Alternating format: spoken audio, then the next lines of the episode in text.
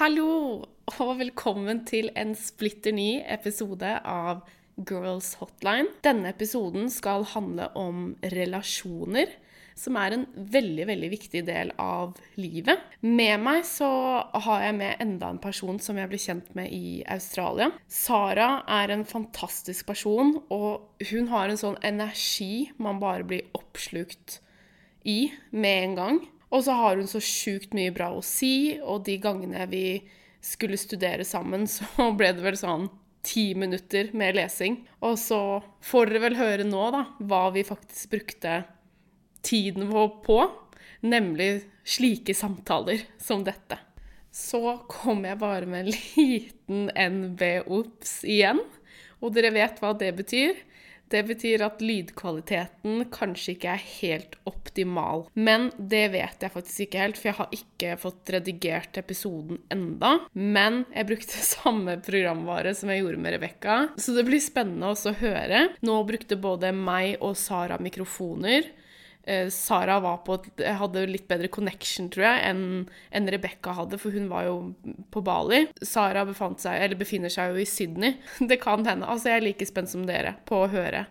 Jeg bare håper at det blir bra, fordi jeg tror denne episoden blir sinnssykt bra. Altså alltid sykt gode samtaler med Sara. Og vi snakker jo Vi klarer jo ikke å begrense oss, så vi har snakket lenge. Så dette her blir del én av episoden med Sara. Den blir rett og slett splitta i to. Uansett så håper jeg dere liker episoden like mye som jeg likte å ha samtalen. Altså, jeg blir alltid så sinnssykt inspirert av samtalen jeg har med Sara.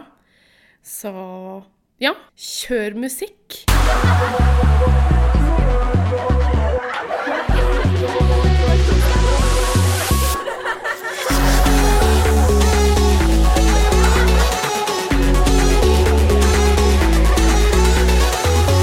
Velkommen til podkasten, Sara.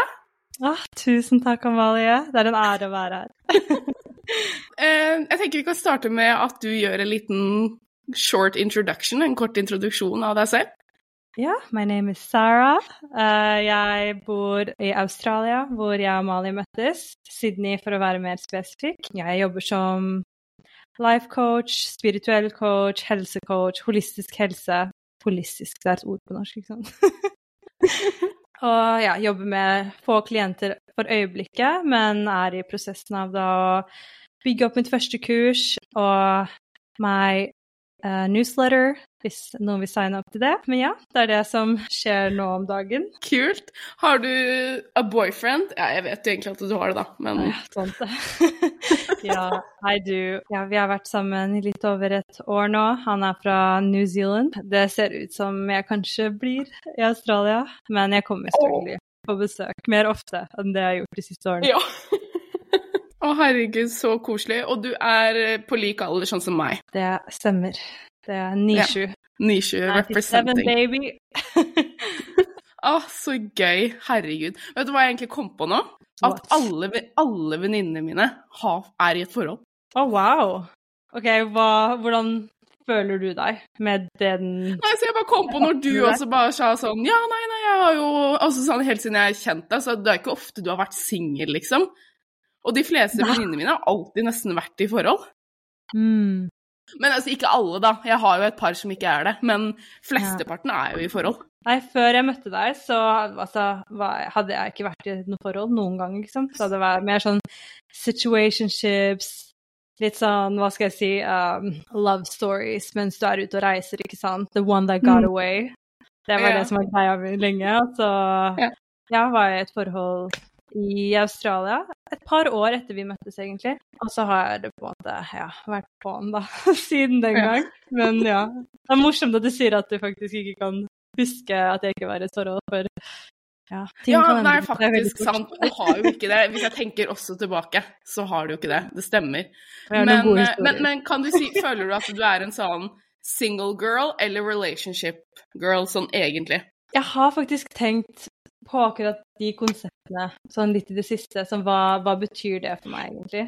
Når du er i et sunt forhold, det er da du også husker at du er faktisk et individ, og du må faktisk gjøre ting som skal si, puts a fire under your ass. Ting som gjør at du vil stå opp en morgen, som du gleder deg til å gjøre. Og hvis du er i et forhold som tar all energien din og tar alt fokuset ditt, som Mm. ofte skjer i ja, mer usunne forhold, så altså Ja, jeg tror det er der det litt ligger med er jeg forholdsperson eller ja, singelperson. Fordi ofte når Mm. vi er i situationship, så er det så toxic at det tar all energien og alt fokuset vårt. Så i dette forholdet så føler jeg meg altså meg selv, da. Hvis jeg kan si det sånn. Ja, selvfølgelig så skjer det ikke like uforventa ting noen kvelder. Ja, ikke at det skjedde veldig ofte uansett, da, men um, jeg er en lojal liten jente. men ellers enn det, så er det liksom jeg er bare meg selv, og jeg følger mine drømmer, og han er min største støtte i det. Veldig fint å høre. Ja. Hva med deg? Vil du si det er en single, single girl? Jeg og- tror by heart og alltid så vil jeg være en singel jente. Eller sånn Jeg tror jeg liksom pass... Eller hvordan skal man beskrive det, da? Og hvordan Ja, nei, jeg tror jeg er egentlig en single girl, men, Men hva, hva betyr det Hvordan vil du definere det, liksom? Hva, hva, hva vil det jeg- si for deg i din personlighet at du er en single girl? at jeg klarer meg veldig, veldig, veldig godt alene. Mm. Og trives det- veldig godt med det. Ja, men det er det som er basen for å kunne ha et sunt forhold. Og det er det veldig mange ikke forstår, fordi mange går etter forhold for å fylle et tomrom, ikke sant? For Det er sånn åh, jeg føler meg lost, jeg føler meg ensom, jeg føler ditten datten. I stedet for å spørre seg selv vel, hva er det som mangler inni meg, så er det sånn vel, hvis jeg får en kjæreste, ikke sant, da kan jeg fokusere på det og fokusere på dem og Men altså, vi kan begge tenke oss hvor det Ja. ender, ikke sant? Jeg tror man blir mer definert av det å være en forholdsjente, for da tenker jeg mer sånn Da er det sånn som hopper fra forhold til forhold til forhold, Mm. in a way. Og ofte på en måte det samme forholdet, men med en annen person. Fordi vi lærer ikke av feilene våre, og vi lærer ikke av de mønstrene. Ja, Hvis det er definisjonen, så vil jeg si jeg er en singeljente, jeg også. Men en lojal singeljente. Ja. lojal til en person. Åh, nei, hva er egentlig Åh, Jeg vet ikke, for når jeg spør andre, så er de sånn Ja, nei, jeg er 100 en forholdsjente. Jeg trives veldig godt i forhold. Men samtidig så vet jeg det at f.eks. Nikoline er jo et eksempel. Men hun har jo Mm. aldri hoppa fram og tilbake fra forhold. Det eneste er det at hun trives bedre med seg selv også i forhold, men hun har jo aldri hatt noen særlig toksike forhold. Hun har hatt gode, stabile forhold og ikke mistet seg selv i forholdene.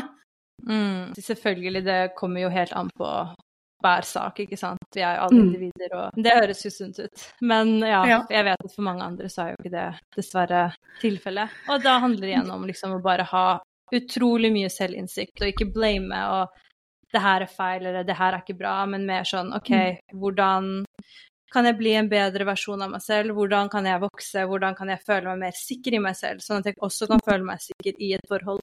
Men du har gode eksempler rundt deg, da. Mm. Det er det. OK. Um, så jeg starta jo nyåret med å state at jeg ønska å skape et liv som jeg liker å leve. Og Mm. et av disse områdene som jeg syns er veldig viktig når det kommer til da et godt, godt liv, er jo relasjoner. Mm. Uh, kan du si noe om hvorfor relasjoner er så viktig for oss? Ja, så jeg vil si at uh, det er relasjoner som egentlig er alt for oss på mange måter. For hvis du tenker deg en verden uten andre mennesker, så hva, hva er meningen i det, ikke sant? Det er relasjoner som gir livene våre mening, men den viktigste relasjonen, da, som vi også kommer til å komme tilbake på, er den med oss selv. Fordi relasjoner vi har med andre, er egentlig bare refleksjoner av vår relasjon med oss selv. Så folk, andre folk, speiler deg selv tilbake til deg, hvis det gir mening. Vet ikke, hva, hva forstår du fra den setningen? At andre folk speiler deg selv til deg?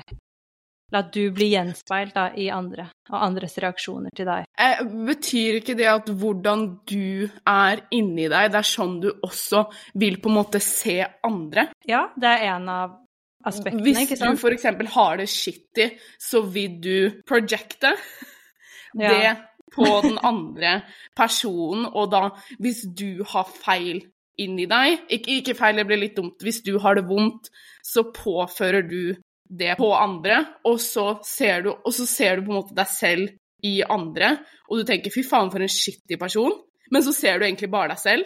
Ooh, that's it, girl. Du er inne på noe der, altså. Nei, jeg digger denne setningen. Hurt people, hurt people. And healed Mm. people, heal people. Og ofte så bruker vi det ja, projeksjon da med tanke på negative følelser. Og hvis du tenker deg OK, la oss si du og jeg i, sitter i trafikken. Jeg i en bil, og du i den andre. Plutselig det kommer masse trafikk. Ingen av oss forventa det. Vi, har, vi må på jobb. Vi har et sted vi må være. Enten så kan jeg sitte der og bare klikke og bare åh, det her er så dritt, og hvorfor skjer det her med meg, og alltid meg, hvorfor meg, gud. Mens i den andre bilen så sitter Amalie Holseth som har tatt ned vinduene og skrudd opp podden. Og bare tar livet chill og bare ah, sorry sjef, jeg blir litt sen på jobb. Skjønner du, det er liksom alltid mindseten vår. Hvordan vi ser verden, hvordan vi velger å tenke, hvordan vi velger å takle en situasjon, og hvordan vi velger å holde følelsene våre. Og ofte da, når det kommer til projeksjon på andre, så er det sånn vi ser at hvis noen behandler deg dårlig ut av det blå, det er sånn OK, vi kan lett ta det personlig, men er det sånn hvis du klemmer en sitron, kommer det ut appelsinsaft? Nei, sitronsaft. Fordi det var det som var inne i sitronen. Så klemmer du på en annen person, og de reagerer på en måte. Det er deres.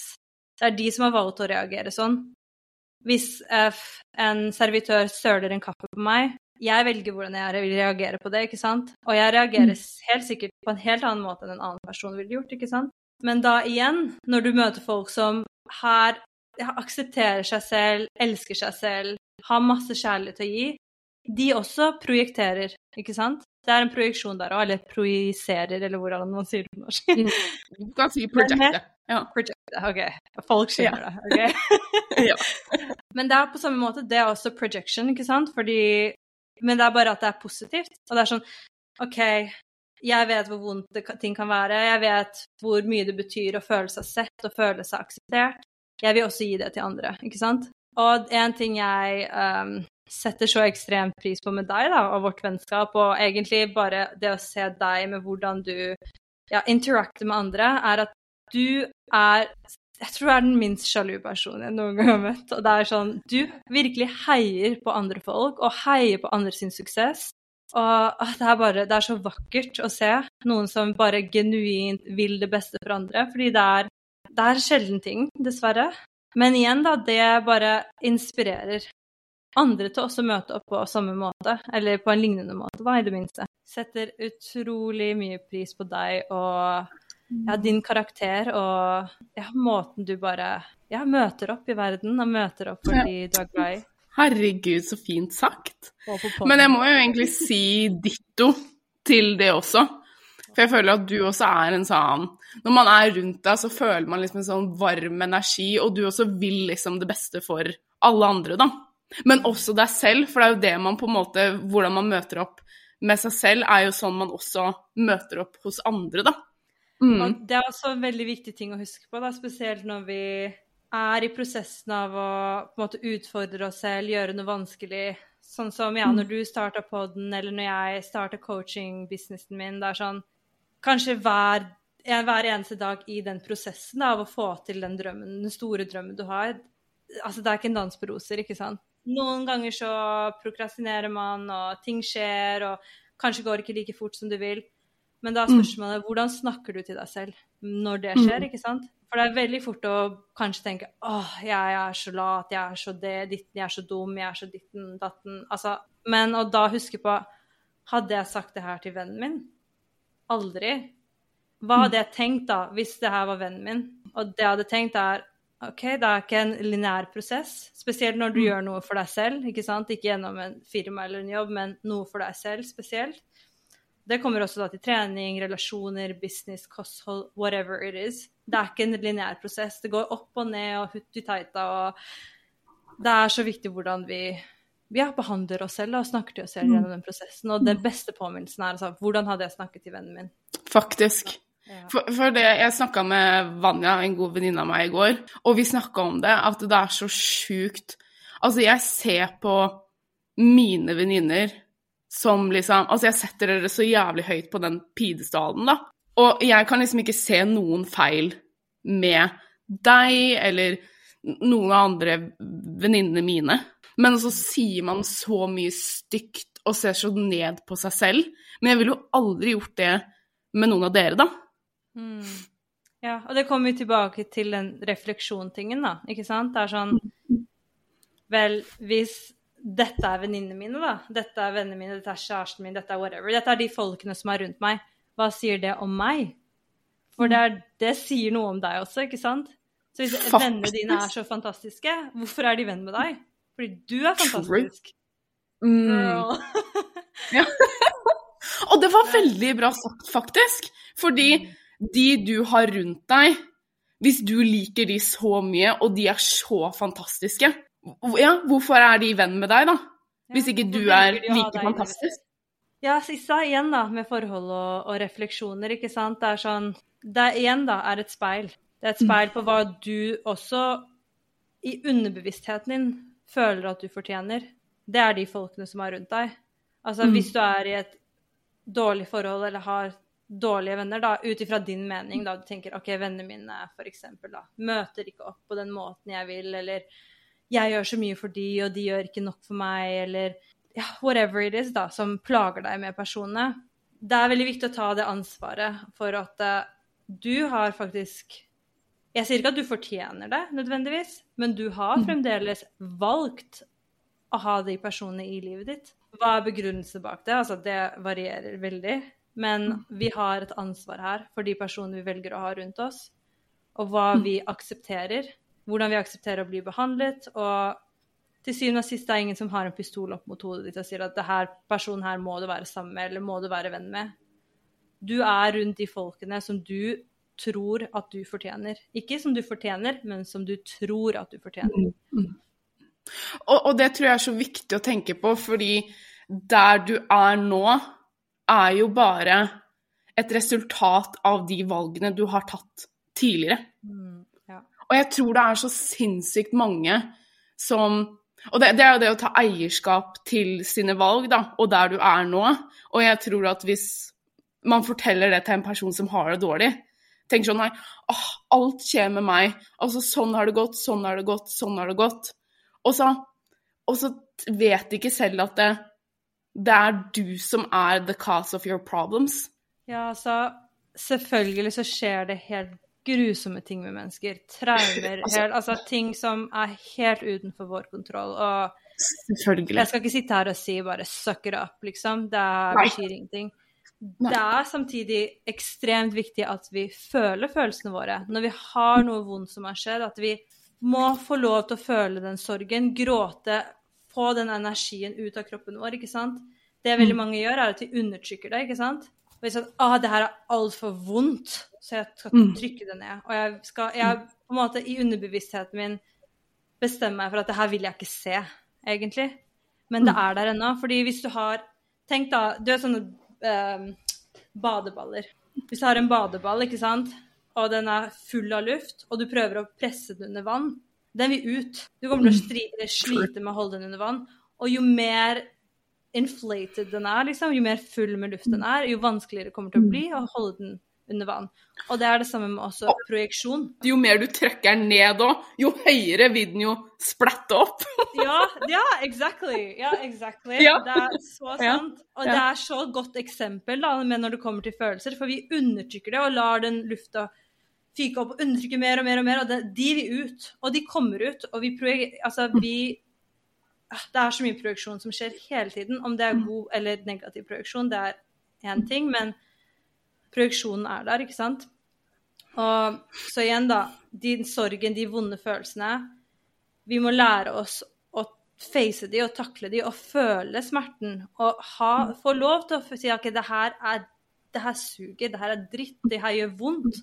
Men etter det så er det også vårt ansvar å spørre oss selv OK, hvordan går jeg videre? Og hvordan ikke på en måte forbli den offerrollen, da.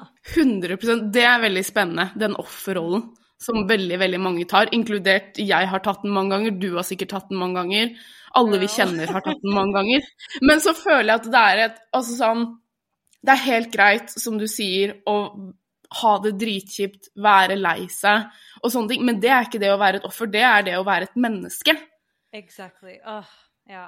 Men hvis du hele tiden Hvis jeg hele tiden hadde kommet til deg, sånn selv om når jeg har hatt det litt kjipt, da, så kom jo ikke jeg til deg og bare ja, nei, sånn, Eller jeg var liksom sånn Nei, vet du hva, ting er dritkjipt, men prøver å se framover. Prøver å søke råd. Du kommer med gode råd, og vi snakker sammen om det.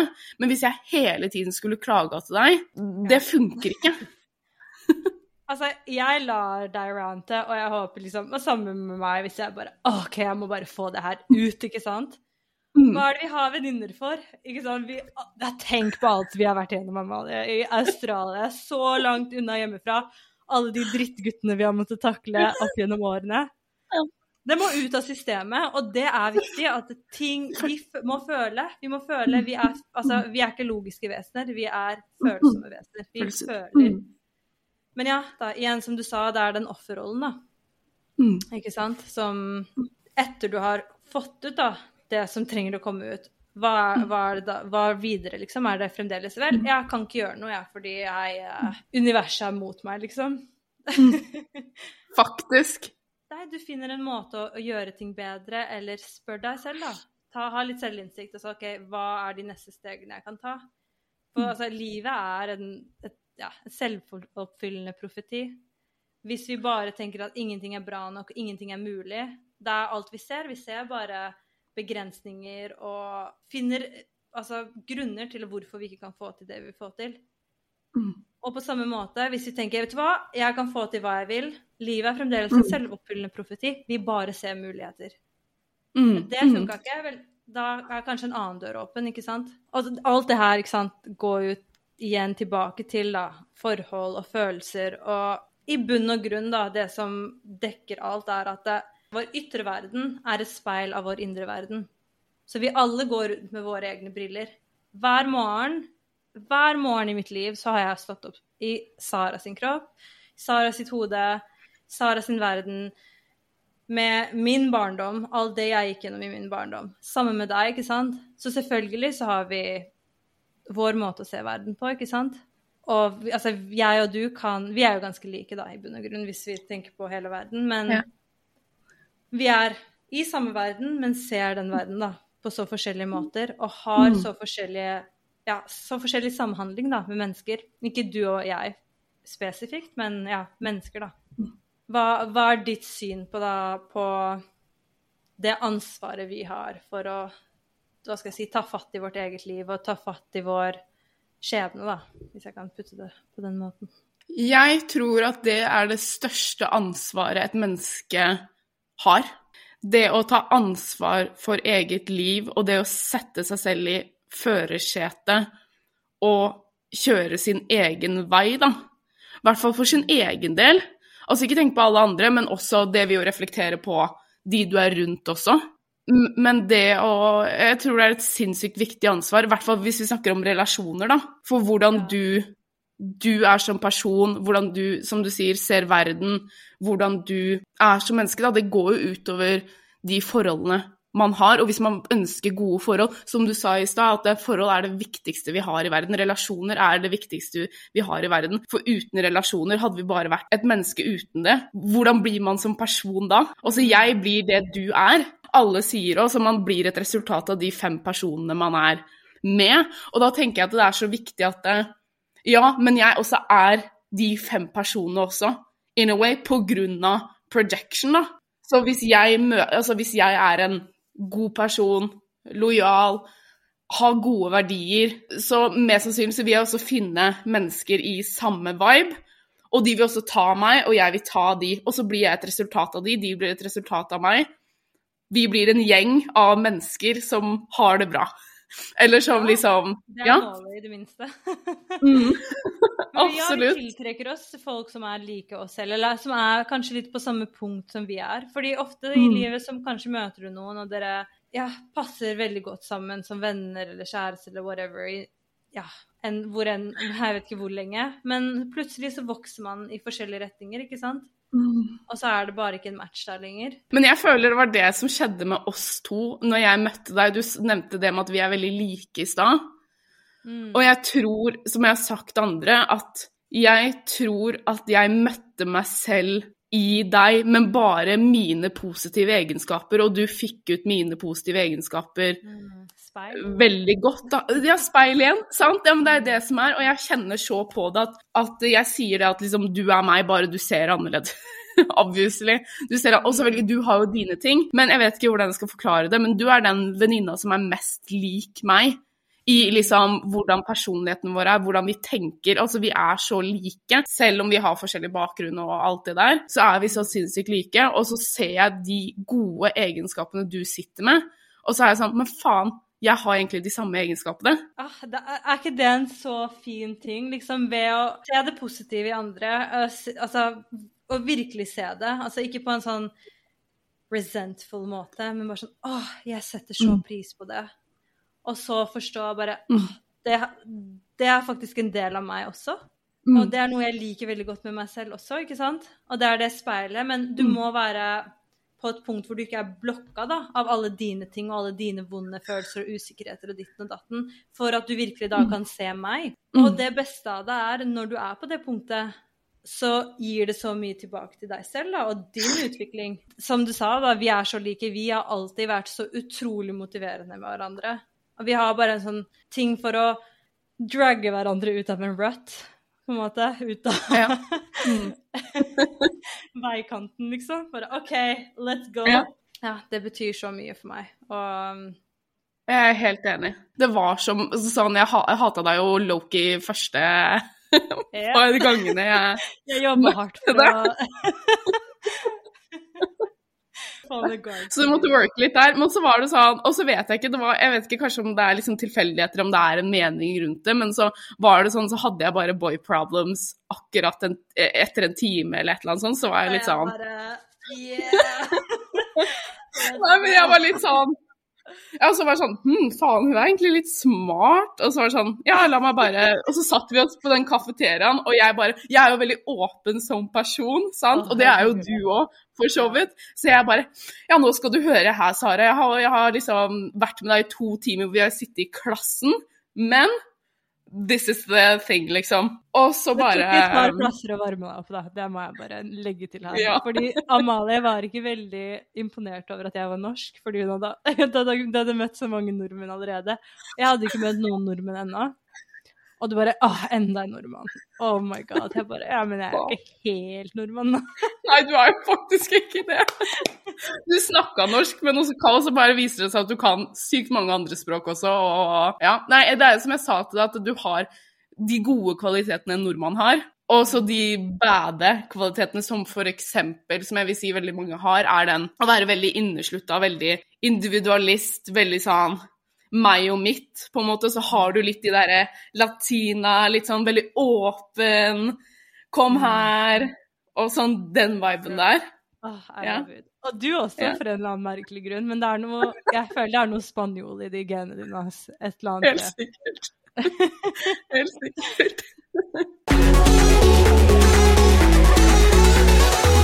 Jeg vil jo si det at eh, når jeg hadde den nyttårsepisoden min, eller sånn hvor jeg bare gikk gjennom litt sånn Livet tar tempen på livet, da. Så scora jeg jo faktisk høyest på relasjoner. Mm, Så min, i min eget scoreboard.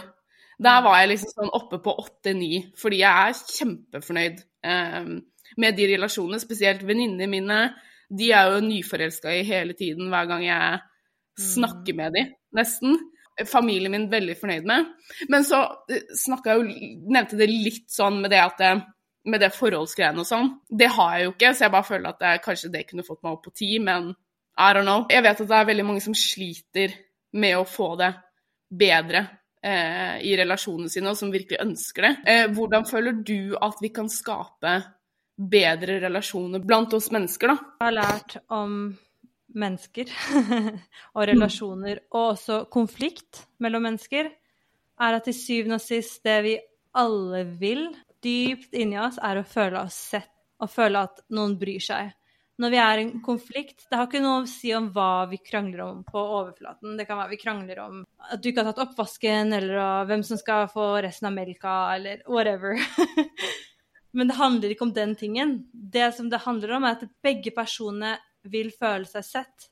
La oss si det handler om oppvasken, da.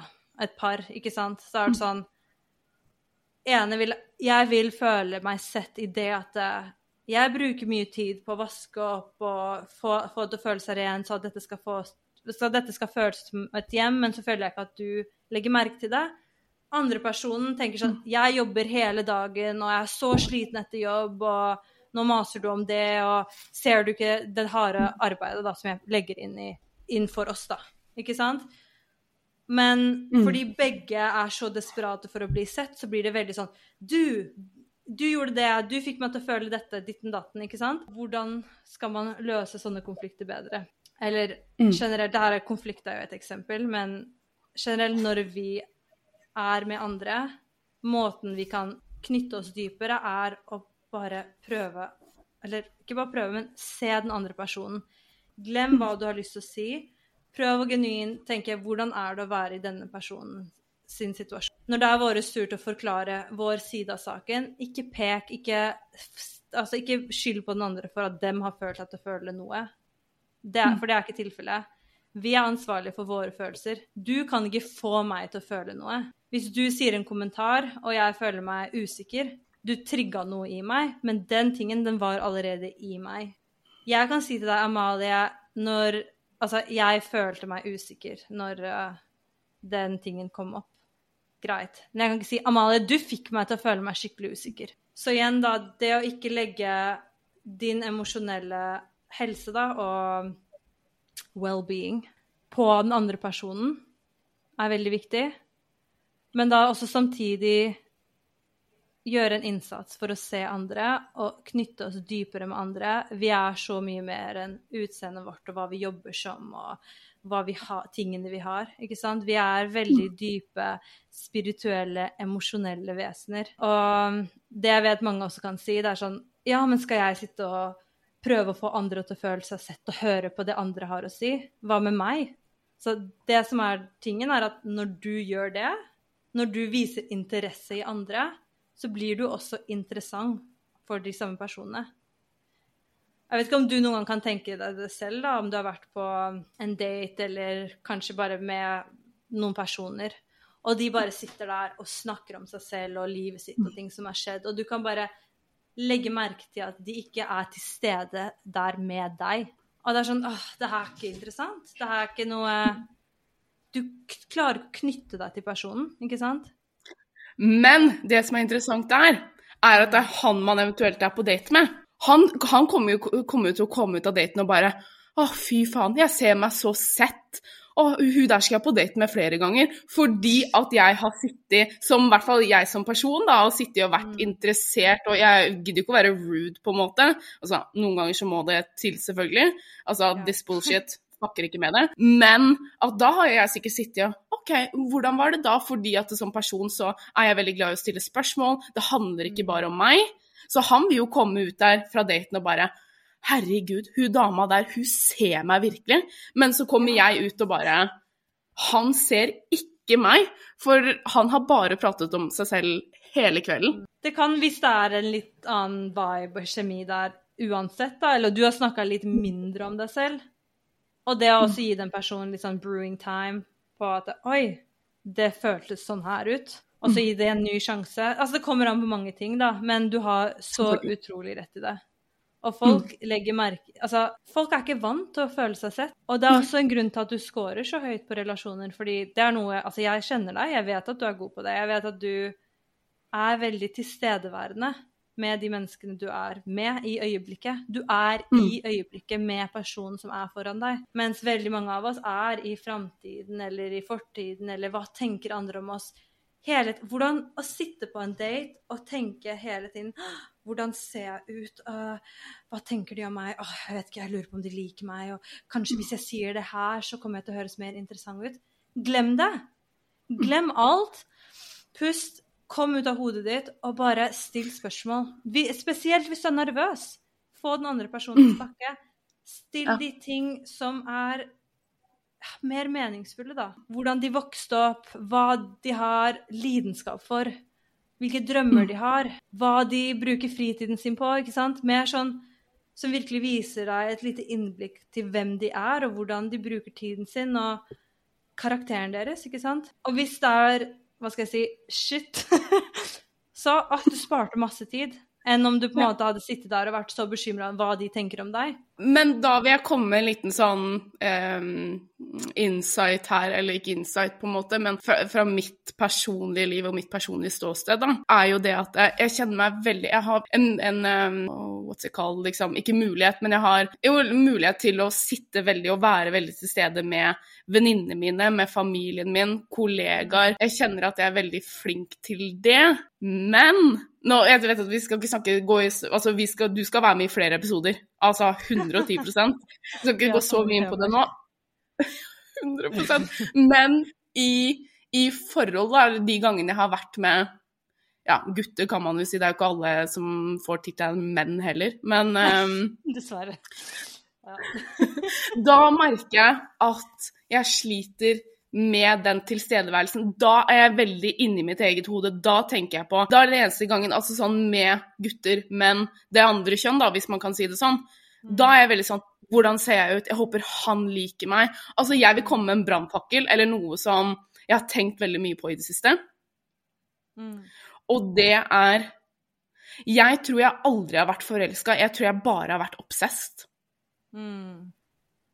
Fordi jeg tenker hele tiden, og det jeg bare prøver å reflektere over de forholda slash situationships og de forholda jeg har hatt Jeg har aldri hatt en kjæreste, men whatever. Forholda jeg har hatt til menn eller gutter, da. Har alltid vært på det premisset at jeg vil at de skal like meg, syns jeg er fin, syns jeg er digg, syns jeg er eventuelt smart. Men, men, ofte det går på utseendet, da. Det er det eneste jeg tenker på. Men jeg tenker aldri på Og det her kommer til å høres så jævlig kynisk og fucka ut, men jeg tenker aldri på liksom Jeg syns aldri Jeg er aldri lei meg på de sine vegne. Jeg har aldri hatt noen følelser som jeg har med dere, da. Altså sånn Hvis du forteller meg noe trist, så kjenner jeg det virkelig i hjertet, og da føler jeg veldig mye med deg, da. Og vi gjør alt for at du skal få det bedre igjen. Men hvis en, hvis en gutt hadde kommet sånn til meg, da hadde det vært sånn ah, men jeg lurer på hvordan jeg ser ut, egentlig. Jeg håper han syns jeg er digg. altså, skjønner du hva jeg mener? Ja. Nei, jeg skjønner hva du mener. Det er veldig interessant. Altså, romantiske forhold det er jo en helt annet aspekt av oss selv, ikke sant? Mm. Så når du sitter på de datene med de guttene, det som skjer, er at du dømmer deg selv gjennom deres øyne. Mulig at du kanskje også i underbevisstheten din gjorde det som ung med venninner. I don't know. Kanskje ikke. Men det er sånn, du har allerede fått så mye ah, Du har så mye komfort da, rundt det å være tilstedeværende, og du vet Så det er et helt annet type forhold, ikke sant? Venninner Det er det, og det er det jeg syns er så spennende. Mm, 100 mm. Fordi når jeg sitter med deg, så tenker jeg jo ikke på ah, hvordan er det jeg ser ut nå. Ja, eller at jeg skal dømme deg eller slå opp med deg, eller Nei. muligens såre deg da, på en eller annen måte. Mm. Altså, Men det er jo mulig eh, Du skulle si det er mulig for venninner å såre hverandre, eller? Ja, det er jo det, men jeg er aldri redd for det. Ja, det er altså, altså, hva, Hvor kommer det synet på menn, ikke sant, og forhold til mm. menn, uh, og hva vi forventer av menn? Mm. Det som er veldig viktig å huske på, vi trenger ikke å gå altfor dypt inn i det her, da, men det jeg ser gang på gang på gang, og det har kommet opp enda mer i, altså i psykologisk undersøkelsesting, altså i vitenskap, er at vi ofte um, tiltrekker oss ganske like dynamikker til familien vår. Så det motsatte skjønn forelder, eller dynamikken mellom foreldrene våre, fordi når vi er født, når vi er babyer, så er vi blanke ark. Vi blir programmert av familien vår, ikke sant? Mm, mm. Og ofte det vi ser, er det vi i underbevisstheten da registrerer som dette er normalt, dette er kjærlighet. Selv om det Selvfølgelig er det kjærlighet der, men mennesker er mennesker. Noen aspekter av det kommer til å være toxic, ikke sant? Mm. Så, men for oss er det på en måte It's familiar. Det er også en prosess av å finne en partner, er også på en måte å unlearn som vi, jeg bruker mm. mye. Unlearn det vi lærte av foreldrene våre, og det vi så at foreldrene våre gjorde. ikke sant? Fordi du kan tenke ok, jeg tiltrekker meg denne personen fordi det er noe som føles um, ja, familiar da, med det her. Mm. Jeg kjenner veldig ofte på den. Jeg er veldig glad i å chase. Mm. Så at jeg har Jeg tror jeg har litt, i hvert fall på den, og det er også veldig spennende det med feminin og maskulin energi, det må vi ta i en annen episode. Men bare sånn kort om det, da. At jeg kjenner at jeg er veldig glad i å chase, jeg er veldig glad til å, jakte, og når jeg har fått det, når, når det blir reciprocata at Å, han liker meg. Da er jeg sånn Nei, faen. Da er det ut. Da vil jeg ikke mer. Men da er det det neste steget, ikke sant? Fordi det neste Ja. steget fra det punktet er sånn OK, noe mer seriøst eventuelt, ikke sant? Og det betyr at jeg må være sårbar. Å være Mm. sårbar betyr at jeg har en mulighet til å bli såra. Og hva Mm. er da, igjen, i underbevisstheten din, hva er din relasjon med menn, og stole på menn til at de er noen du kan være sårbar rundt? Og selvfølgelig, man Mm. drar ikke alle under en kam, og du vet jo det rasjonelt, men det er også det, ja, det urasjonelle delen av oss, ikke sant, i underbevisstheten Mm. vår, som på en måte Det her er farlig territorium, ikke sant? Ikke faen om jeg skal la Gi en mann makten til å såre meg. Men Mm. da Du vet jo samtidig, hvis det er i underbevisstheten din, at det, ja, hvordan skal du da ha den store kjærligheten du drømmer om? Fordi Mm.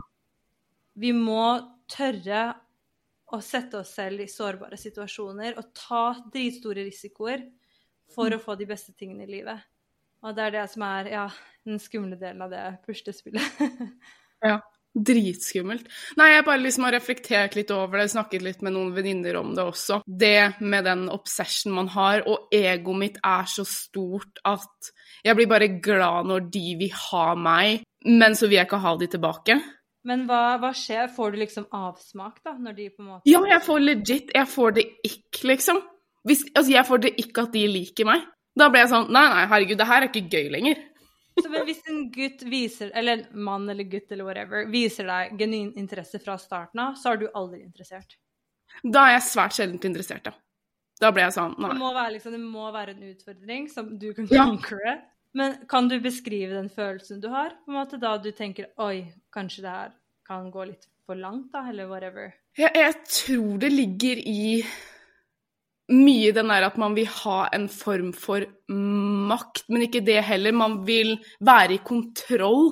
Og sånn er jeg aldri det i noen andre eh, forhold. Det er bare med liksom eventuelle folk man har liksom Ikke data heller, jeg har jo bare vært i situationships fordi, fordi at det har jo ikke kommet seg noe lenger. Jeg har jo ikke lyst til å ha det noe lenger. Det er jo veldig skummelt hvis du tenker på at det, er er det mest intime forholdet man har, ikke sant? Og det er sånn Tror du at det er en del av deg som er sånn OK, jeg avviser de nå, nå som det er på en måte alt er sånn lett og whatever, enn at, en, at det er kanskje en frykt for avviselse hvis de ser noen veldig ekte da, sider av deg, kanskje sider som du ikke er så stolt over, f.eks., og da Mm. avviser deg? Hvor vondt hadde det gjort, på en måte? Det er en del av det som ligger i det, eller? Helt sikkert. For hvis man gir hele, eller av seg selv, da, og ikke noen liker det, det går utover ego. Så, Det er det speilet igjen, da. Du liker ikke det Mm. speilet, og du vil ikke bli Mm. speila de sidene. Fordi med venninner, ikke sant, man kan Mm. kontrollere hvor mye man vil vise. Hvis du bor med noen, da ser du veldig mye av den personen, for å si det sånn. Og du ser sider som den personen sannsynligvis ikke vil at du skal se også, ikke sant. Ja, det er noe veldig skummelt der. Men. Det jeg skulle si med det ikke, Don't rush the process. Nei. Men man kan også alltid Det høres litt feil ut som om vi spiller et spill, det er jo ikke et spill. Men man gir små tester, ikke sant? Og ser Kan jeg stole på den personen? Du gir litt og litt av deg selv, og ser hvordan de holder det, og hvordan de takler det. For da ser jeg, fordi man kan ikke forvente at hvem enn du ender opp med, kommer til å være perfekt. Det er alltid noen som er nyere, bedre, penere, fittere, smartere, whatever, ikke sant? I fantasien din. Gresset er jo alltid grønnere på den andre siden. Så hva er målet er jo å finne en person som er nede på jorda, som er et empatisk og godt menneske, og som ser deg for hele deg. Og vi alle har en um, shadow side. Uh. det, vet, det har jeg faktisk Det vet jeg faktisk litt om. At, eh, og, og det at eh, alle de Hva heter det andre? Eh, Det er eh, skyggesiden av det positive man har, da, for Ja, eksempel lyset vårt, da. Ja, lyset vårt, eller det som på en måte all, Alt lys Altså for Hva er et godt eksempel på det? Du kan det sikkert bedre. Det å være ekstrovert, det har en skjær av seg. Det å være Ja, ja, alt har en motsetning. Alt, alt Ja. eksisterer på et spektrum, ikke sant? Ja, selvfølgelig. Vi er ingen er mennesker spesielt. Vi er ikke enten gode eller dårlige. Vi er Altså, vi Vi er veldig komplekse vesener. jo mer du fornekter å takle underbevisstheten din og la deg selv se skyggesiden din Og så, så jeg, jeg liker å tulle med partneren min. Det er sånn skyggesiden din. Det er sånn Vi prøver å låse skyggesiden vår nede i kjelleren. Ja. Og låse døra, og der står skyggesiden og banker på, liksom. og vi ut. Og jo mer du fornekter den, ja, plutselig da, så kommer den med en batong og skal ut den døra. Men hvis du bare åpner døra, du lar de bo nede i kjelleren Noen ganger så vil den ut, da kommer den opp trappa, ikke sant? Og da sier du bare Hva er det du vil nå? OK, kom, sett deg på fanget. Det her går bra. Du er litt sjalu nå. Du er litt usikker nå. Det er en del av menneskeheten din. Det er menneskelig. Du er redd for å være sårbar. Det er menneskelig. Men vi må faen meg ta risikoer. Vi må ta risiko for kjærlighet, for å leve fullt. Men ja, igjen, ikke sant, det starter med forholdet med oss selv. Og som du sa selv, altså, du har gjort det så ekstremt godt med dine forhold. Men det er noe som ligger der, ikke sant, med det romantiske. Ikke med tanke på at du må være i et forhold, men med tanke på Nei.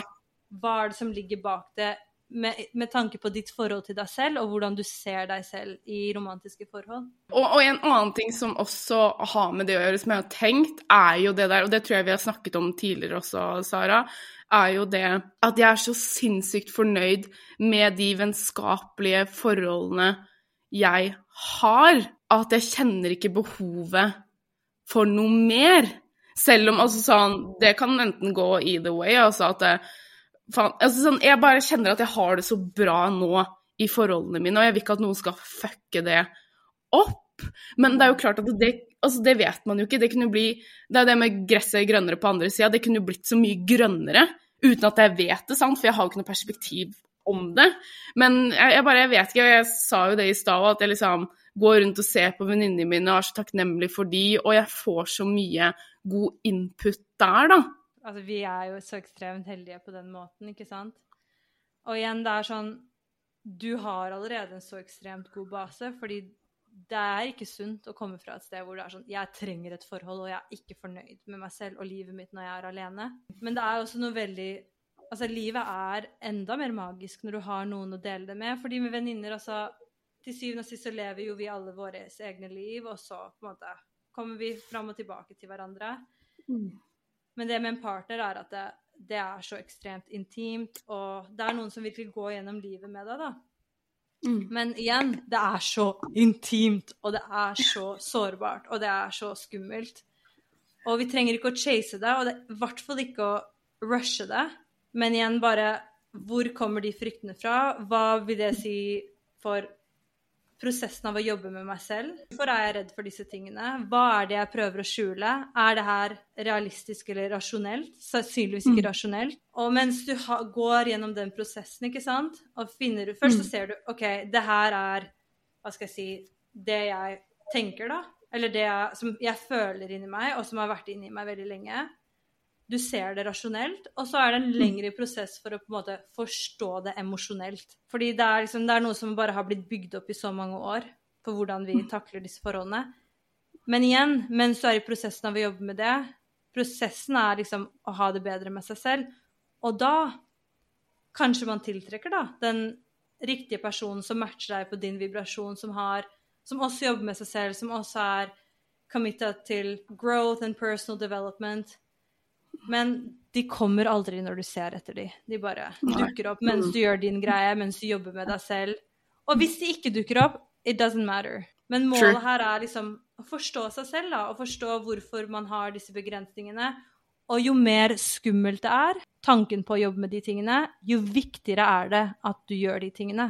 Samme med en stor drøm. Hvis du har en stor drøm, og tanken på den drømmen gjør deg dritredd, det er bare enda større grunn for at det, dette er noe du må gjøre. Dette er Mm. din skjebne, vei i livet. Og igjen da med skyggen. Hvis du har en boks i sola, jo større den boksen er, hvis den boksen er drømmen, jo større er skyggen, og skyggen er frykten, ikke sant? Og jo mer du vil noe, jo skumlere vil det bli. Altså sånn, om noen skulle sagt til meg sånn Ja, nå Et Godt eksempel der, da. I don't know. Altså sånn, det er mange frykt... Altså sånn Ja, det er et litt dumt eksempel, egentlig, da, men gå opp et fjell. Ja. Det, jeg er jo ikke redd for Jeg er ikke redd for høyder, f.eks., så det er jo ikke noe problem med meg. Men kanskje noen som har den drømmen, da, å stige et fjell, så blir OK, det var litt dårlig eksempel. Har du et bedre Nei, det er veldig, er egentlig et veldig godt eksempel. For det kan være Ja. sånn Hvis du aldri har gjort noe veldig fysisk, da, eller du er redd for høyder, og det er hvordan Nei, det, det er en del av deg. Du, det som er greia, er at du vet samtidig at det er en del av deg som bare Åh, jeg må gjøre det her. Men også som er sånn skikkelig sabotør. Så bare Nei, nei, nei, nei, nei, nei. Procrastinate. Ikke sant? Men det er det, og så tenkte jeg Jo, et, et, et annet et, Oi! Et annet eksempel er det der med eh, Hvis noen hadde spurt meg om å snakke om matte, for eksempel, da. Jeg bryr meg ikke om matte. Du er ikke Det vet du vel. Du bare har Du bryr deg ikke. Det bare, jeg bryr meg ikke. ah. Noen ting. Og så er det sånn Da kunne jeg gjort det in a funny way. Men hvis noen er en forsker, da, og på en måte må løse det mattestykket eller whatever, så vil han ha mye mer frykt, han eller hun, ha mye mer frykt for å gjøre det foran noen eller alene, fordi at det betyr så mye for han å bli anerkjent i den fielden, da. Mm, 100 Mm. Og det er igjen, da, ikke sant, det samme kommer med ting som vi vet vi må jobbe med, med oss selv, ikke sant. Og det er sånn Mm. Jo skumlere det er å takke og konfrontere da en del av seg selv, om det er Altså, det er så mange forskjellige ting. Om hva skal jeg si, du sliter med å gjøre ferdig ting, da, eller forhold, eller bare ha sunnere livsstil. Jo mer du vet Altså, jo skumlere det er å tenke på at å, jeg må gjøre en stor forskjell her, jo mer viktig er det at, at du begynner den prosessen. ikke sant? Og det begynner med å på en måte dyppe tærne i vannet. ikke sant? Det er ikke sånn at du må hva skal jeg si, slå en panne i hodet ditt, liksom. Men bare den bevisstheten om at ok, det er noe her. Høre på Mm. intuisjonen din. Og det er et stort problem i samfunnet nå, at vi har glemt hvordan vi skal høre på intuisjonen vår. Fordi hele tiden er samfunnet sånn Ja, men dette her er oppskriften på et godt liv. Det er at det, du studerer og får deg en utdanning, du kjøper deg et hus, du er i et forhold, du har barn. Det er oppskriften på et lykkelig liv. Da har du You've made it. Men nei, vi er noen helt tilfeldige vesener som nå eksisterer på en svevende stein i midten av ingen... Ja, men det er jo sant! Det er helt sant. Sam samfunnet er bare et konstrukt, og det er helt Mm. tilfeldig at du er på denne verden her. Så den som vet best hva du trenger, og hva som kommer til å gjøre deg lykkelig, det er deg selv. Og Mm. det ligger inni deg.